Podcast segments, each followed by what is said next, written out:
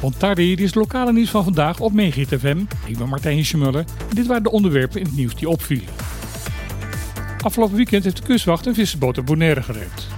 De boot La Patrona was nabij het noordelijkste puntje van Bonaire zonder brandstof komen te zitten en door daarbij steeds verder de zee op.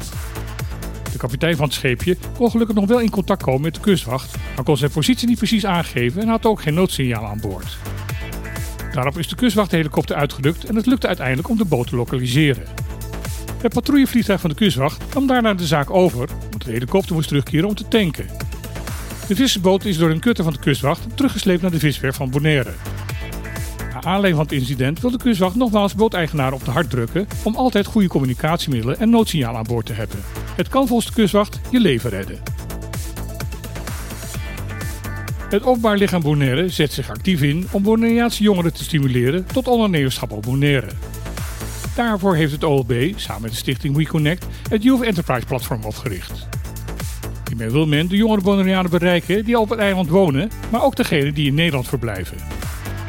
Vorige week vond de kick-off van het project plaats bij de ontmoetingsplek van ondernemers Business Parks. Onderdeel van het evenement was een speeddate tussen jongeren en bedrijven op Bonaire die op zoek zijn naar nieuwe arbeidskrachten. Volgens gedeputeerde Hennis Tielman blijft veel Bonaireaans talent na een studie in Nederland hangen. Dit komt omdat men ervan uitgaat dat Europees Nederland meer carrièrekansen zal bieden dan Caribisch Nederland. Tielman hoopt met het Youth Enterprise Platform jongeren erop tent op kunnen maken dat wat werk betreft ook Bonaire voldoende mogelijkheden biedt voor een mooie toekomst. Hij hoopt op deze manier de huidige brain drain, waar het eiland mee te maken heeft, iets te kunnen verminderen.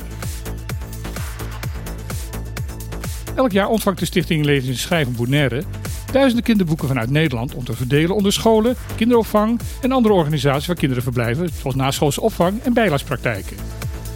De boeken worden in Nederland ingezameld door de stichting Biblionef. Hierbij doneren de oude eigenaren hun boeken aan de stichting, die dan weer voor zorgt dat deze weer de juiste bestemming gaan krijgen. Op deze manier zijn de laatste 30 jaar meer dan een miljoen boeken van eigenaar verwisseld. Afgelopen zaterdag zijn door de vrijwilligers van Biblionef op Bonaire 3000 boeken gratis afgeleverd bij de verschillende geïnteresseerde organisaties. Stichting Lezen en Schrijven Bonaire hoopt op deze manier het lezen op Bonaire door kinderen verder te stimuleren. Huishoudens op Bonaire die in de schulden raken door de hoge energietarieven kunnen eventueel hulp krijgen van de Nederlandse overheid. Dat schrijft minister van Armoedebeleid Carole Schouten in een brief aan de Tweede Kamer. In Europees Nederland is voor dit doel een tijdelijk noodfonds van 100 miljoen operationeel geworden. Schouten zegt in haar brief dat ze wil kijken of een dergelijke regeling over Caribisch Nederland opgezet kan worden. Momenteel worden de kosten van elektriciteit op Bonaire al lager gehouden dan de marktconforme prijs en kunnen mensen met een laag of minder inkomen een eenmalige tegemoetkoming krijgen. Desondanks erkent de minister dat er nog steeds hele kwetsbare huishoudens zijn in de BES die de stroomrekeningen niet meer kunnen opbrengen.